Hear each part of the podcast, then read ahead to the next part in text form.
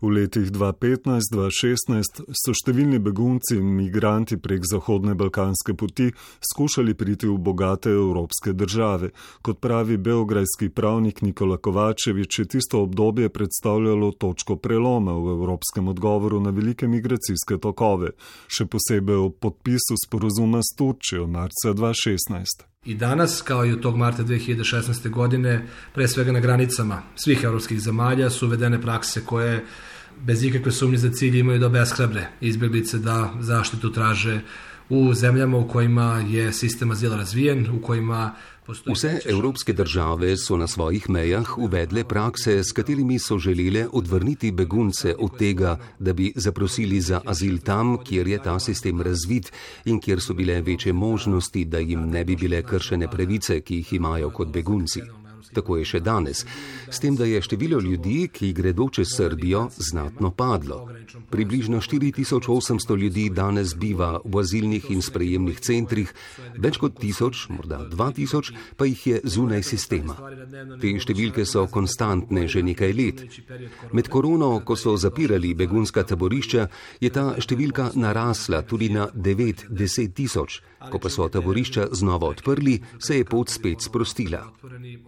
Tako imamo danes v Srbiji približno 6 tisoč ljudi, od teh je le kakšnih 300 ali 400 v postopku azila, še veliko manj je takih, ki ostanejo do konca postopka. Još daleko manji broj koji u tom postupku azila ostane do kraja, a još daleko manji broj ljudi koji zaista uspije da dobije azil u Srbiji.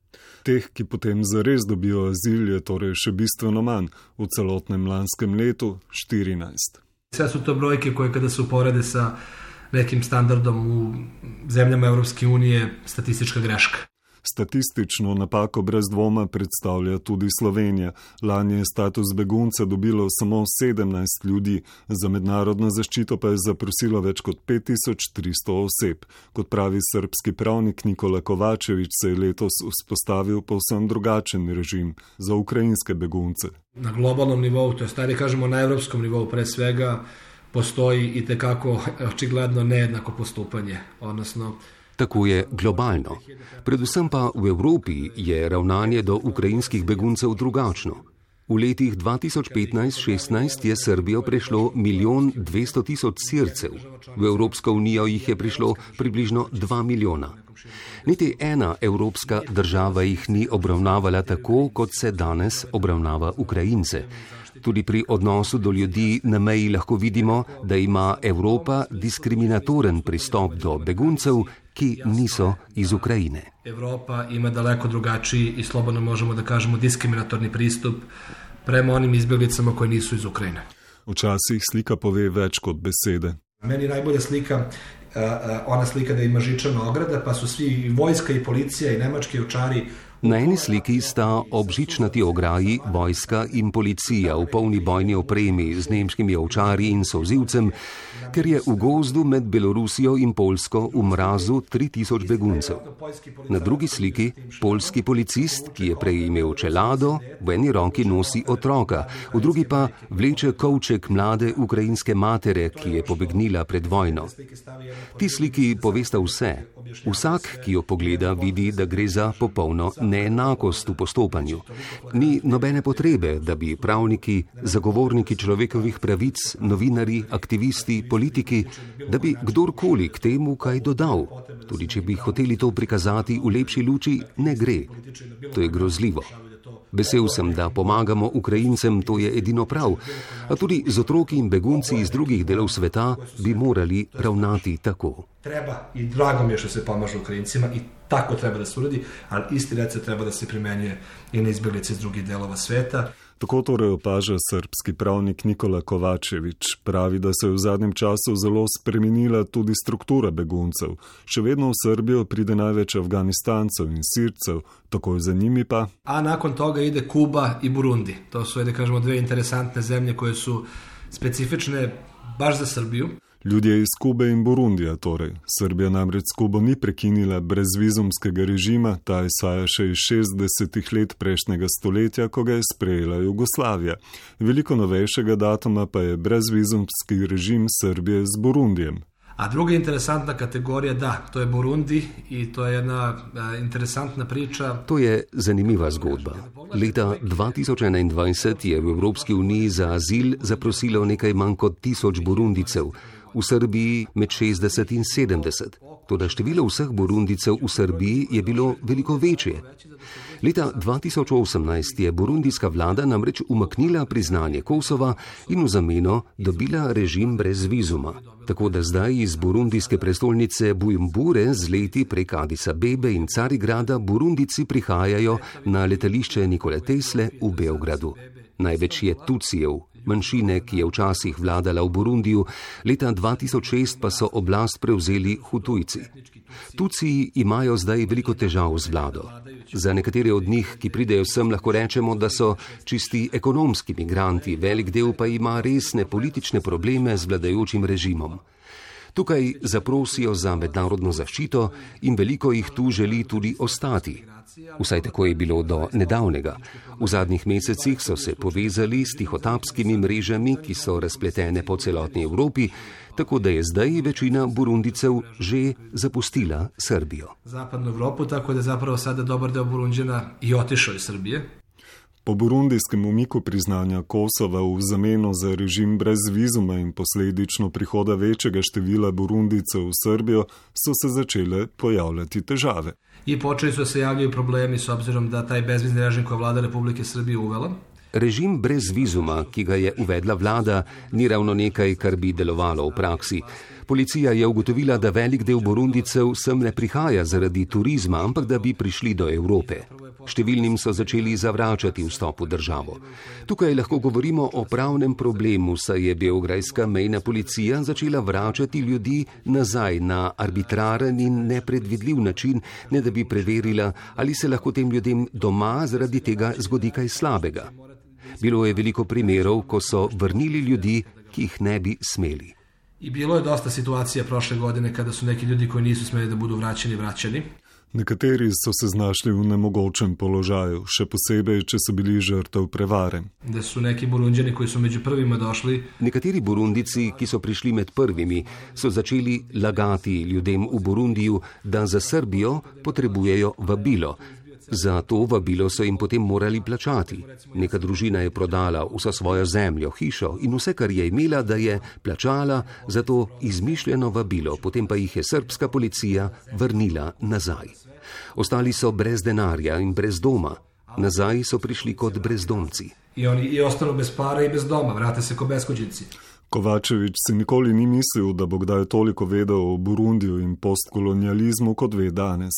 Vendar, če hoče koga zastopati v azilnem postopku, mora poznati zgodovino, dejstva, odnose med etničnimi skupinami in tako naprej. Imao sam prilike recimo da pričam sa sestrićima bivšeg potpredsjednika Burundi. Oni su nastavili da ide dalje ka Evropi. Govoril sem naprimer z bratranci prejšnjega podpredsednika Burundija. Šli so naprej proti Evropi. Razložili so mi, da so Tuciji bili bogata manjšina, ki so jo belgijski kolonialisti privilegirali. Imeli so zemljo, hiše, živino, oblast, policijo in vojsko. Dolgo so zatirali hutujce. Potem pa se je to spremenilo in zdaj so hutujci glavni. Prišlo je do tega, če Murtuci pravijo zgodovinski revizionizem, hutujci pa poprava zgodovinskih krivic. S tem, kar se dogaja v Burundiju, lahko brez težav potegnemo usporednice z našim postkonfliktnim prostorom nekdanje Jugoslavije. Kdo je koga in kdaj? Vrlo i tekako primenjivo na ovaj naš postkonfliktni prostor na bivšoj Jugoslaviji. Tako, ko je koga za vreme koje... Porajajo pa se tudi usporednice z Ruando. Ne znam da li može da se ponovi Ruandu u Burundiju, ali da u Burundiju postoje Ne vem, ali se v Burundiju lahko ponovi Ruanda, dogajajo pa se zunajsodni poboji, mučenje, jemanje zemlje. To obstaja kot sistemska praksa, kot oblika represije. Mislim, iskreno se nadam da ne može da se ponovi Ruanda. Kovačevič upa, da se Ruanda ne more ponoviti, toda v pisarno Centra za raziskovanje družbe in razvoj je pozneje vstopila Burundika, ki se boji, da se genocid lahko zgodi tudi v Burundiju. Prišla je po pomoč. Zgodbe, s katerimi se Kovačevič srečuje, so izjemno težke. Star je 33 let, toda izgleda starejši. Od svojih klijenata čujete. Od smrti, ubistva, svedočenja takvim nekim aktima, gubitka svega što imate, napuštanja doma. Poslušam odpričevanj smrti, umorov, odhoda od doma, posilstev, spolnih zlorab, do te poti do Srbije in tako naprej. Ko me je pred nekaj leti neki novinar prvič vprašal, kaj imam jaz od tega, kar počnem, mu nisem znal odgovoriti. Obrnil sem se vase in dojel, koliko sem se od teh ljudi iz Afganistana, Sirije, Iraka, Kube, zdaj Burundija, naučil. Prihajajo iz različnih kultur, tradicij. Spoznal pa sem, da pri vseh obstajajo tako dobri kot slabi ljudje. Psihološki profili in vzorci obnašanja se brez dvoma lahko preslikajo prav na vsako družbo. Geografska razdalja v resnici ne pomeni nič.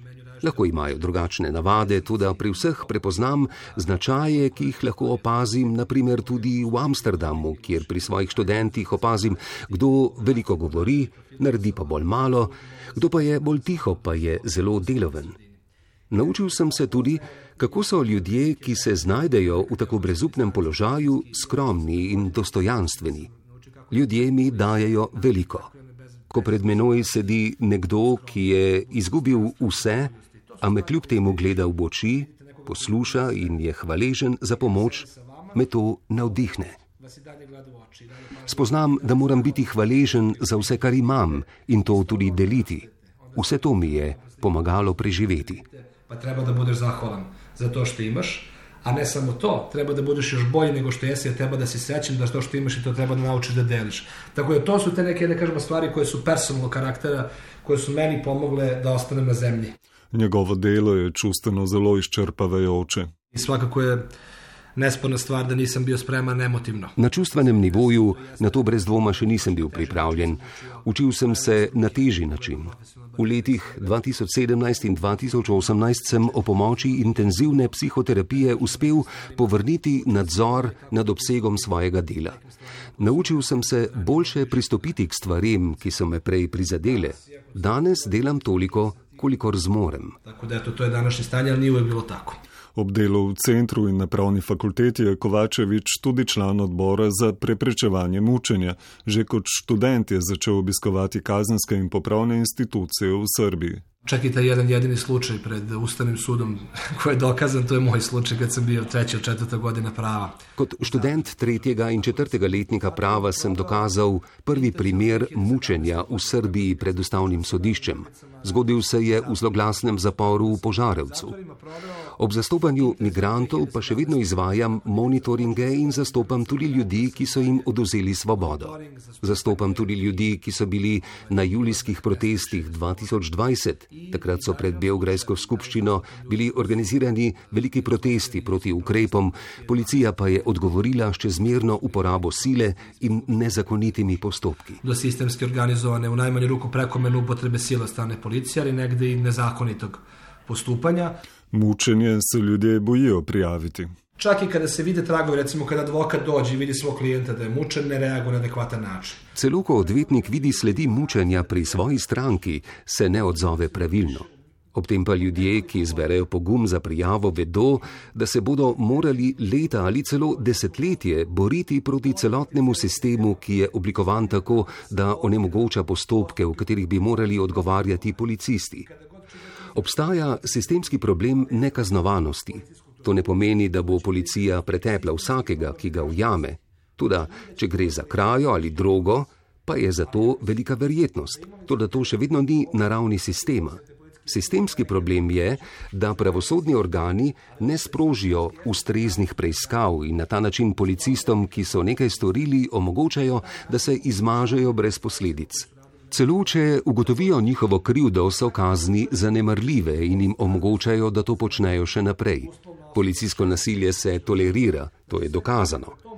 Sam sem zbral vse predmete, s katerimi so mučili v letih od 2010 do 2020. Tudi pravosodni organi opravičujejo nepravilne policijske postopke proti osumljencem. Gre za vse od udarcev s pestjo, brcanja, udarjanja prek neprebojnega jopiča, tako da ni sledi, dušenja z vrečkami, s plinskimi maskami, do elektrošokov in udarjanja s palicami za bejzbol. I udaranje u pancir tako da ne ostanu tragovi, da ostanu veliki bolovi, uh, gušenje kesama, gas maskama, puštanje struje i elektriciteta, udaranje bejsbol palicama i drugim nestandardnim predmetima. Če kdo prijavi policista, da ga je pretepel, dobi potem nazaj prijavo, da je napadel uradno osebo. In vi onda zapravo ste suočili sa jednim državnim aparatom. In potem se soočite z državnim aparatom in mehanizmom, ki ščiti takšno obnašanje. Kot običajen človek, še posebej, če nimate veliko denarja in si ne morete privoščiti dobrega odvetnika, se potem morate boriti proti temu. In sistem funkcioniše tako, da obeshrabruje žrtve zlostavljanja. Srbija je uvedla dosmrtno kazen, kar je povišalo tudi ostale zaporne kazni. To znači da ako mladi čovek u socijalno i ekonomski depriviranoj Srbiji, koji prodaje marihuanu u svom kraju, To pomeni, da če mladenič v domačem kraju prodaja konopljo, torej ne kokain, heroin ali kaj podobnega, in ga ujamejo trikrat, bo končal šest let v zaporu. Svoje najboljša leta bo preživel v zaporu. Če bi prenehali preganjati uporabo konoplje, bi se srpski zapori močno izpraznili. Veliko ljudi je zaradi tega izgubilo svoja najboljša leta. je zbog toga izgubilo svoje najbolje godine. Kovačevič kot zagovornik človekovih pravic z zaskrbljenostjo gleda, kaj se dogaja po Evropi. Sa velikom zabrinutošću posmatram Evropu kao celinu, kako se pretvara u jednu tvrđavu, opasanu žilet žicom, Frontexom, termovizijskim kamerama, dronovima. Spreminja se v trdnjavo, obdano z rezilno žico, s Frontexom, termovizijskimi kamerami, droni. Na milijone evrov se vlaga v to, da bi se begunce, migrante in prosilce za azil odvrnilo od tega, da bi prišli. Vse to opazujem z velikim obžalovanjem in velikim strahom, saj s tem vsi, tako Srbi, Slovenci, Hrvati, Švedi, Poljaki, prav vsi, dokazujemo porazno dejstvo, da bi lahko več kot 70 leti potem, ko smo dobili konvencijo o statusu beguncev, ki je bila namenjena zaščiti naših dedov in babic, ki so bili med drugo svetovno vojno begunci, in kljub konvenciji o človekovih pravicah, ki je bila sprejeta, da se zločini, ki so se takrat zgodili, ne bi nikoli več ponovili, danes na meje postavili table z napisom: Tukaj počiva konvencija o statusu beguncev. Ali tukaj počiva Evropska konvencija o človekovih pravicah. To je dokaz, da smo vse te mehanizme, ki izhajajo iz splošne deklaracije človekovih pravic, v veliki meri poteptali za določene ljudi, ki so prav tako begunci, kot so bili francozi ali poljaki med drugo svetovno vojno. Ali pa judje, slovenci, srbi, jugoslovani. Zdaj pa, ko bi morali sprejeti nekoga, ki ni iz tega evropskega kroga, pa se vse spremeni. Ljudi koji su isto izbelice kao što su Francuzi i Poljaci bili u drugom svetskom ratu. Ili mi, jevreji, slovenci, jugosloveni, kako god. I sad odjednom kada treba da se prime na nekome ko nije baš iz tog evropskog kruga, ne ide baš tako. Nikola Kovačevič vse to odmisli ob gledanju ragbija, ki ga je včasih tudi treniral. Rad ima živali, ima dva psa in dve mački, svojo domišljijo pa sprosti o branju Tolkiena. Ragbi gledam, ne mogu više da ga igram. Igrao sam ga, tako da ovaj, imam povredu leđa.